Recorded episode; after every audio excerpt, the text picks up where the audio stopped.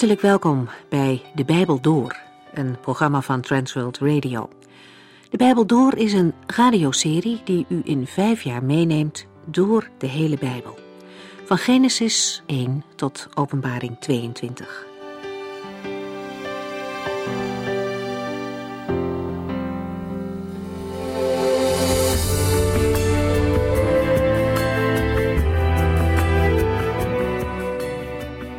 Deze weken verdiepen we ons in het Bijbelboek Matthäus. Vandaag gaan we verder met hoofdstuk 15. Maar laten we eerst nog even terugkijken op de vorige keer. Het begon toen met twee mannen. De een vol angst, de ander vol moed. Koning Herodes en Johannes de Doper. Matthäus kijkt ook terug naar de dood van Johannes de Doper. Johannes had voor die tijd vaak gesproken met Herodes. En Herodes hoorde hem graag, maar Johannes zei ook waar het op stond. Nou had Herodes een verhouding met de vrouw van zijn broer. En deze zonde, dit overspel, leidde uiteindelijk tot de moord op Johannes, de boodschapper van God. Johannes zei ronduit dat het verkeerd was van Herodes om een verhouding met zijn schoonzus te hebben. Hij liet zich niet door de hoge positie van Herodes verleiden om water bij de wijn te doen.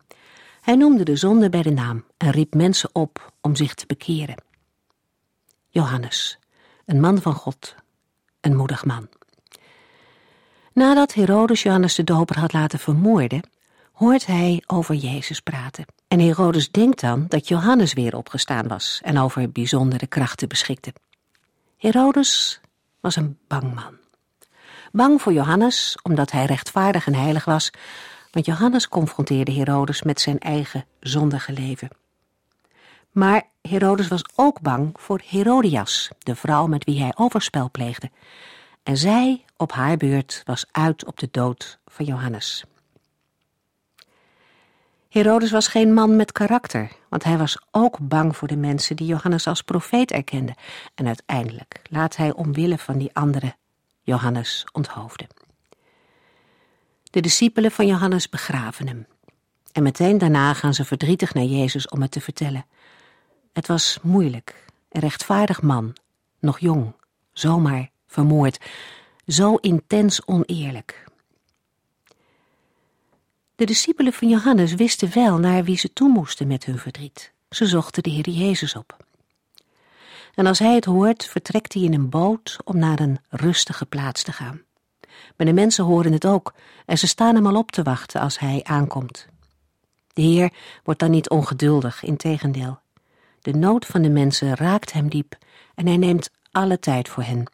Hij geeft de duizenden ook te eten. Heel eenvoudig, door vijf broden en twee visjes. Eén jongen geeft alles wat hij heeft, en in de handen van de Heer wordt het oneindig veel meer.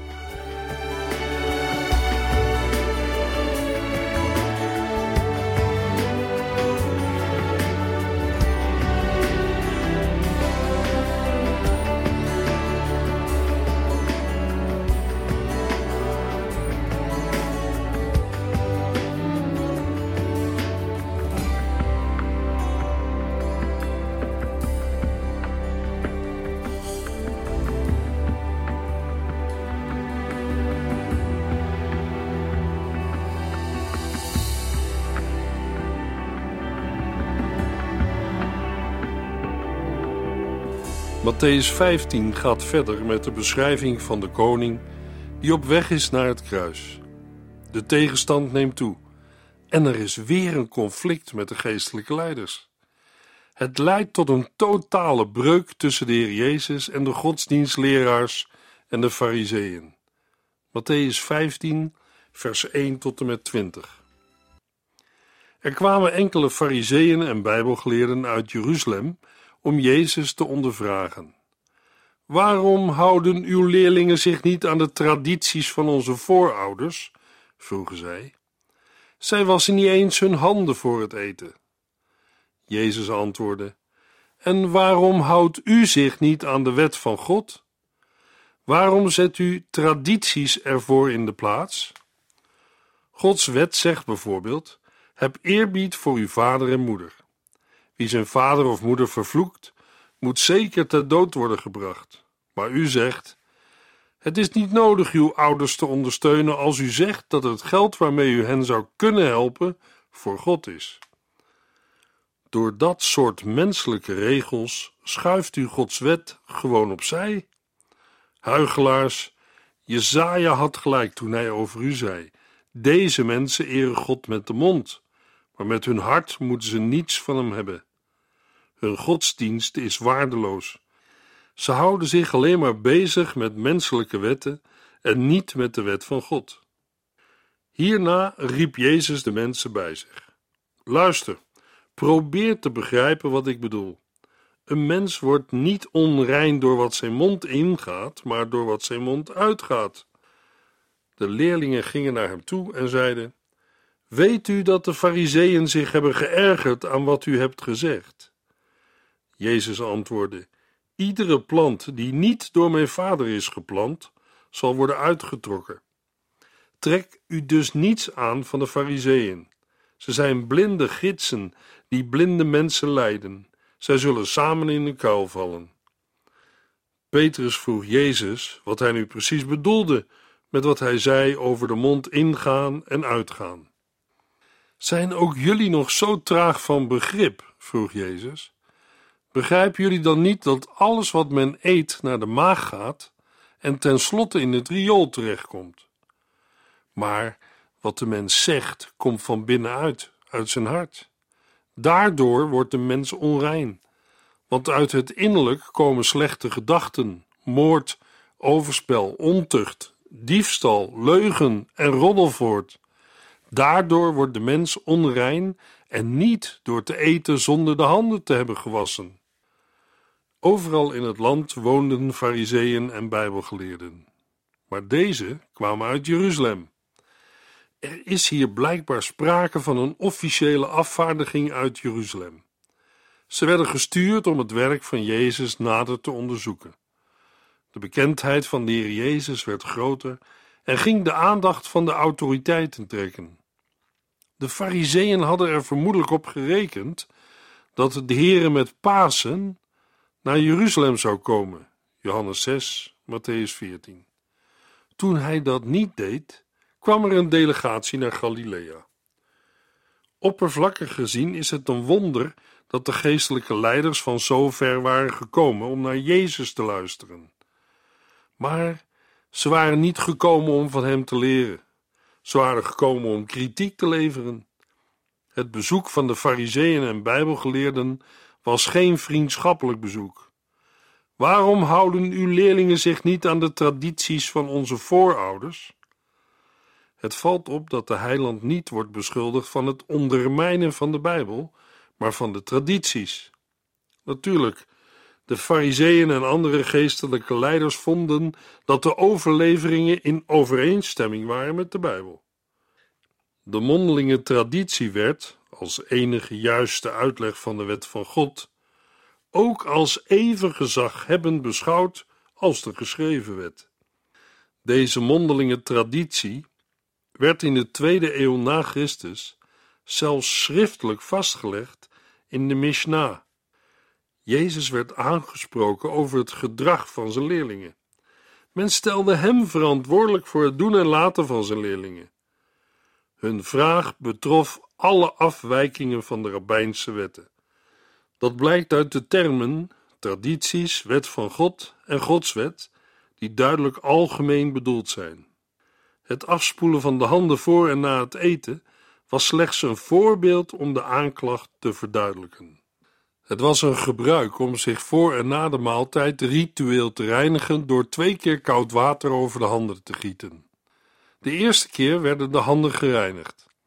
De tweede keer werd het eerste onrein geworden water afgespoeld. Een dergelijk gebod is nergens in het Oude Testament te vinden. Maar orthodoxe Joden houden een overtreding voor even ernstig als bijvoorbeeld seksuele onreinheid. Daarom willen ze nu weten: waarom houden uw leerlingen zich niet aan de tradities van onze voorouders? Daarmee verwijzen ze eerder naar een rituele reiniging dan naar een natuurlijke reinigende wasbeurt. Een mens zou dat vandaag ook kunnen denken. Met het houden van een aantal rituele gebruiken moet het voor God toch genoeg zijn? De Heer Jezus beschuldigt hen ervan dat zij de wet van God overtreden door alleen de traditie na te volgen. De tradities van onze voorouders. Die traditie gaf een mens de mogelijkheid om aan de wet ongehoorzaam te zijn. De Heer Jezus geeft een voorbeeld en zegt: Maar u zegt: Het is niet nodig om uw ouders te ondersteunen, als u zegt dat het geld waarmee u hen zou kunnen helpen voor God is. Door dat soort menselijke regels schuift u Gods wet gewoon opzij. Dit gaf een vrome uitweg om aan de wet van Mozes te ontkomen. De godsdienstige leiders in de dagen van Jezus gaven, met de tradities van de voorouders, mensen een uitweg om aan hun verantwoordelijkheden te ontkomen. Een goede test voor een christen vandaag kan zijn na te gaan hoe hij of zij met zijn eigen geld omgaat en dat te vergelijken met hoe hij of zij omgaat met Gods geld. Helaas zijn er voorbeelden dat christenen alles hebben: huis, auto, caravan en een boot. Maar er is geen bijdrage voor de dienst in het koninkrijk van God. Of een mens heeft zoveel schulden dat de vrijwillige bijdrage voor de kerk er niet meer af kan. De Heer Jezus noemde de godsdienstleraars en de fariseeën huigelaars. Anderen noemden hen rabbi of heer, maar Jezus noemde hen huigelaars. Ook de Joden zelf hebben bij tijd en wijle hun huichelarij ingezien. Een uitspraak van Rabbi Nathan, ongeveer 160 na Christus, mag dat onderstrepen. Er bevinden zich tien delen huichelarij in de wereld, waarvan negen in Jeruzalem en één in de rest van de wereld. De schijnheilige geest uit de tijd van Jezaja had zich ontwikkeld tot een volgroeide huichelarij ten tijde van Jezus. Een godsdienst zonder moraal. Door hun optreden vervulden de Fariseeën en met hen het volk, waarop ze hun stempel hadden gedrukt, het woord van de profeet Jezaja. Jezaja 29, vers 13. Het Griekse grondwoord voor huigelaar betekent toneelspeler. In de oudheid gebruikt voor iemand die optreedt achter een masker. Dan kan het gaan om iemand die zichzelf bedriegt of om iemand die anderen bedriegt. De heer Jezus beschuldigt de Bijbelgeleerden en de Fariseeën ervan dat ze een toneelspel opvoeren. Je wel houden aan rituele wassingen, maar onder het mom van godsdienstige argumenten niet zorgen voor je vader en je moeder. Ze gingen voorbij aan de instelling van het hart. En dat is voor God het allerbelangrijkste. Met al hun rechtlijnigheid gingen zij voorbij aan de kern van de wet van Mozes.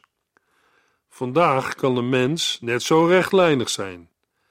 Tegen je kinderen zeggen dat ze hun handen moeten wassen voor ze aan tafel gaan, maar er niet op letten naar welke programma's ze kijken of luisteren. De binnenkant is veel belangrijker dan de buitenkant. Het belangrijkste beginsel is dat zedelijk verval geestelijk is. Jezus legt het aan zijn leerlingen uit. Ze zijn verbaasd dat de Heer de Fariseeën openlijk aanvalt. Er waren vaak meningsverschillen tussen Jezus en de geestelijke leiders. Maar nu is er een breekpunt. Iedere plant die niet door mijn vader is geplant, zal worden uitgetrokken. Trek je niets aan van de Fariseeën. Zij zijn blinde gidsen. Er volgt nog een ander voorbeeld. Begrijpen jullie dan niet dat alles wat men eet naar de maag gaat en tenslotte in het riool terechtkomt?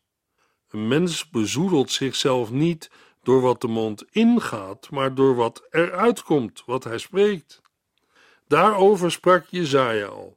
Wee hen die zeggen dat goed slecht is en dat slecht goed is. Er zijn zaken die ons geestelijk leven bevuilen. Denk niet dat wij er ongevoelig voor zijn. Ook onze kinderen en onze jeugd wordt met deze geestelijke vervuiling geconfronteerd. Wat in het hart zit, komt er ook uit. Matthäus 15, vers 21.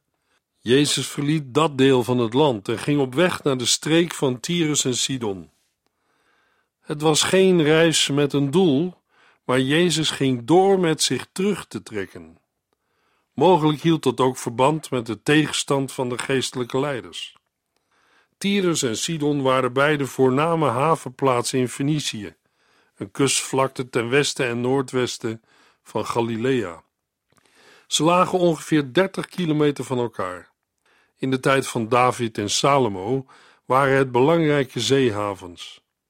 Later werden ze ingenomen door de Babyloniërs, de Perzen en Alexander de Grote.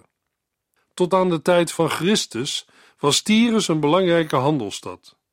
De heiland trok met zijn leerlingen naar het noordwesten, in de richting van de heidenen, die bekend stonden als vijanden van de Joden. Bij Matthäus is het niet duidelijk of Jezus wel of niet de grens van Fenicië is overgegaan. Jezus had al eerder over Tyrus en Sidon gesproken, in Matthäus 11. Matthäus 15, vers 21 tot en met 28. Jezus verliet dat deel van het land en ging op weg naar de streek van Tyrus en Sidon. Een Canaanitische vrouw die daar woonde, kwam naar hem toe en zei smekend: Heere, zoon van David, heb medelijden met mij. Mijn dochter is in de macht van een boze geest. Maar Jezus gaf haar geen antwoord. Zijn leerlingen zeiden dat hij haar maar moest wegsturen. Ze loopt steeds achter ons aan te schreeuwen, zeiden zij. Jezus zei tegen de vrouw: Ik ben gestuurd om de Joden te helpen en niet de andere volken. De vrouw viel voor hem op haar knieën en smeekte: Heere, help mij. Het is niet goed het brood van de kinderen af te nemen en aan de honden te geven, zei hij. Inderdaad, heren, maar de honden mogen toch wel de kruimels opeten die van de tafel vallen, was haar antwoord. Wat hebt u een groot geloof, zei Jezus. U krijgt wat u hebt gevraagd. En haar dochter werd op datzelfde moment genezen. Voor de eerste keer tijdens zijn openbare optreden verlaat de Heer het land Israël. Dit is interessant, omdat de Heer Jezus als koning naar het volk Israël kwam. Toen hij zijn discipelen uitzond, gaf hij een opdracht om naar de steden van Israël te gaan en niet buiten de grenzen. Maar de Heer werd door zijn eigen volk niet aanvaard. Onder leiding van de geestelijke leiders hebben zij hem niet gezien en aanvaard als de beloofde Messias. Het verbreken van het contact tussen de Heer Jezus en de godsdienstige leiders gebeurde nog maar enkele dagen geleden. En nu? Wat gebeurt er? De Heer Jezus zelf passeert de grens van Israël en gaat naar de heidenen. Zijn uitnodiging is nu: als de lasten u drukken en u vermoeid bent, kom dan bij mij. Ik zal u rust geven. Matthäus 11, vers 28. De Canaanitische vrouw was niet van Joodse afkomst. Marcus 7, vers 26 vermeldt dat zij geen Jodin was.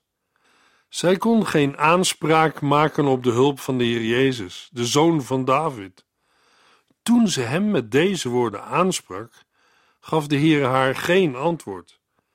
Zelfs de leerlingen vroegen aan hem haar weg te sturen. Waarom? Ze loopt steeds achter ons aan te schreeuwen, zeiden zij. De vrouw bracht hen in verlegenheid en verstoorde de rust. Jezus zei tegen haar: Ik ben gestuurd om de Joden te helpen en niet de andere volken. Dit lijkt een moeilijke situatie. Maar in feite was het terecht. De heiland bood zich als offer aan bij het volk Israël, als de vervulling van de profetieën, als de komende koning in de lijn van David. Een feit dat de Heere in de ontmoeting met deze vrouw moest bevestigen. De Heer Jezus kwam als koning van de Joden. Dat is het eerste uitgangspunt dat bevestigd moest worden. Hij stierf van het kruis met het opschrift: Dit is de koning van de Joden. In de ontmoeting met de Canaanitische vrouw laat de Heer Jezus zien dat dit wel het eerste is, maar niet het laatste. De Heer zei tegen haar dat hij was gestuurd om de Joden te helpen en niet de andere volken. Met andere woorden, zij kon geen aanspraak maken op zijn hulp. De vrouw viel voor hem op haar knieën en smeekte: Heere, help mij. Wat zal er nu gebeuren? De vrouw had weg kunnen gaan. Ze had kunnen denken: geen schijn van kans. Maar dat doet ze niet. Ze gaat naar de Heer Jezus toe, valt op haar knieën en smeekt: Heere, help mij. Haar geloof was niet een soort bijgelovige hoop op een wonder, maar een vast vertrouwen dat zich niet van de wijs laat brengen. Jezus antwoordde: Het is niet goed het brood van de kinderen af te nemen en aan de honden te geven. De kinderen zijn de Joden, de geboren zonen van het koninkrijk en kinderen van het door God gebouwde huis Israëls. De honden zijn de niet-Joden, de heidenen. Het woord honden is niet bedoeld als scheldwoord. Het gaat over de kleine hondjes, cunaria, die in huis mogen komen en die de mensen laten meeeten van het brood, opdat ze niet verhongeren. Het beeld dat de Heer Jezus gebruikt spreekt alleen over het verschillende aandeel aan de maaltijd. Voor kinderen en honden is dat anders. De vrouw bevestigt het antwoord van de Heer Jezus en aan de hand van de vergelijking herhaalt zij haar verzoek. Inderdaad, heren, maar de honden mogen toch wel de kruimels opeten die van de tafel vallen? Wat een geweldige uitspraak. De Israëlieten gebruiken het woord hond om de heidenen mee aan te duiden. Deze vrouw gebruikte de aanduiding om haar geloof in de Here te bevestigen. De heiland heeft haar smeken verhoord. Wat hebt u een groot geloof, zei Jezus. U krijgt wat u hebt gevraagd. En haar dochter werd op datzelfde moment genezen. Matthäus 15, vers 29 tot en met 31. Later ging Jezus terug naar het meer van Galilea. Toen hij daar ergens op een heuvel zat, kwamen heel veel mensen naar hem toe. Er werden velen bij hem gebracht die verlamd, verminkt of blind waren. Er kwamen mensen die niet konden spreken of die ziek waren. Ze werden allemaal voor Jezus neergelegd en hij genas hen. De mensen zagen het met verbazing. Mensen die vroeger geen woord konden uitbrengen, stonden te praten. Mensen die kreupel waren geweest, stonden recht op hun benen. Mensen die verlamd waren geweest, liepen gewoon rond. En mensen die blind waren geweest, keken uit hun ogen. De God van Israël werd door iedereen geëerd en geprezen. Opnieuw kwamen velen met hetzelfde doel naar de Heer Jezus toe, namelijk om genezing te zoeken voor lammen, blinden en vele andere zieken. Het speelde hier geen rol of ze Joden of heidenen waren. Zij die kwamen, ontvingen hulp. En dat ging drie dagen lang zo door. Vers 32. Matthäus 15, vers 32 tot en met 39. Jezus riep zijn leerlingen bij zich en zei tegen hen: Ik heb met deze mensen te doen. Ze zijn nu al drie dagen bij mij en hebben niets te eten. Ik wil ze niet zonder eten naar huis laten gaan. Anders zullen ze onderweg nog flauw vallen van de honger. Waar moeten we hier brood vandaan halen om al die mensen te eten te geven? vroegen de leerlingen verwonderd. Hier woont immers niemand. Hoeveel broden hebben jullie bij je? vroeg Jezus. Zeven broden en een paar visjes. Jezus zei tegen de mensen dat ze op de grond moesten gaan zitten. Hij nam de zeven broden en de visjes en dankte God ervoor. Daarna brak hij ze in stukken en gaf ze aan zijn leerlingen. De leerlingen gaven het brood en de vis aan de mensen. Ieder at tot hij genoeg had. Er bleef zelfs nog veel over, zeven manden vol. En toch had een geweldig aantal mensen te eten gekregen.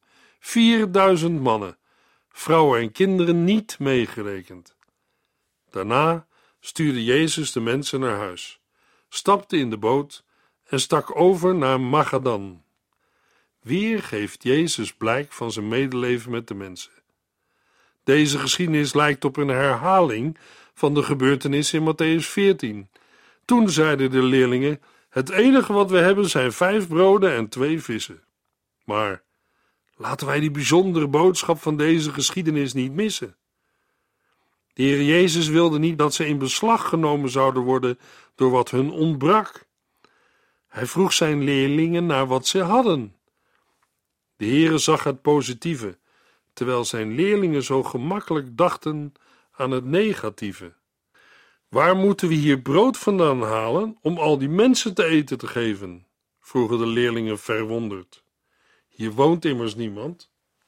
De leerlingen waren al getuigend geweest van het wonder met de vijf broden en twee vissen. Dat was nog niet zo heel lang geleden. Toch kwam weer de oude tegenwerping van ongeloof bij hen naar boven. Waar moeten we hier brood vandaan halen? Toen, maar ook nu, moeten leerlingen en volgelingen van de Heer Jezus nog veel leren. Romeinen 14, vers 23 zegt het zo: Want alles wat niet uit overtuigd geloof gedaan wordt, is zonde. En in Hebreeën 12, vers 1 lezen we: Wij moeten alles afleggen wat ons hindert en ons bevrijden van de zonde die zich aan ons vastklemt. Wat hindert ons? Het is zonde. Net als de leerlingen in de tijd van de Heer Jezus denken wij vaak te klein van de Heer Jezus. Dat probleem woont in de mens zelf. De discipelen van Jezus waren nu beter voorzien dan bij de vorige gelegenheid, in Matthäus 14, vers 17. Er waren nu zeven broden in plaats van vijf en een paar visjes in plaats van twee. Bovendien waren er minder eters, 4000 mannen, vrouwen en kinderen niet meegerekend. Er waren ook gezinnen en mogelijk families aanwezig. Als we ervan uitgaan dat iedere man vergezeld werd door één vrouw en één kind, dan waren er in totaal 12.000 mensen. De volgelingen van de Heer Jezus gaven eerst wat zij hadden aan Hem, en daarna kregen zij van Hem terug om Zijn zegen aan het volk door te geven. Zij mochten een schakel zijn tussen een rijke God en behoeftige mensen. Als we de twee wonderbare spijzigingen vergelijken, zien we ook hier het goddelijke principe in werking. Eerst de Joden, dan de heidenen.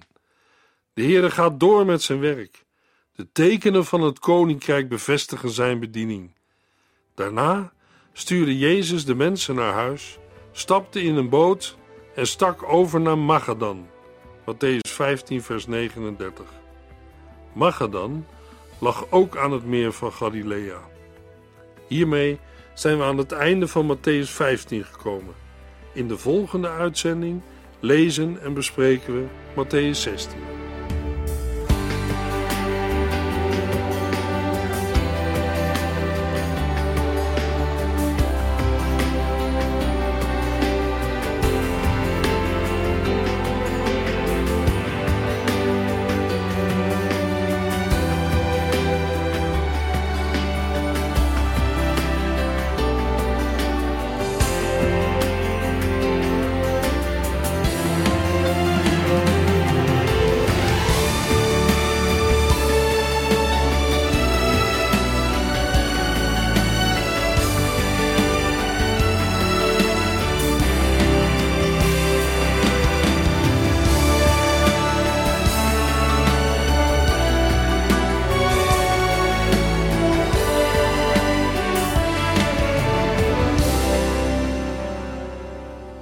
Heeft geluisterd naar De Bijbel Door. In het Nederlands vertaald en bewerkt door Transworld Radio. Een programma waarin we in vijf jaar tijd de hele Bijbel doorgaan. Als u wilt reageren op deze uitzending of u heeft vragen, dan kunt u contact met ons opnemen. Tijdens kantooruren kunt u bellen op 0342 47 8432. 0342 47 8432. 32. Ook kunt u een e-mail sturen naar de Bijbel door transworldradio.nl en natuurlijk kunt u ook via de post ons bereiken.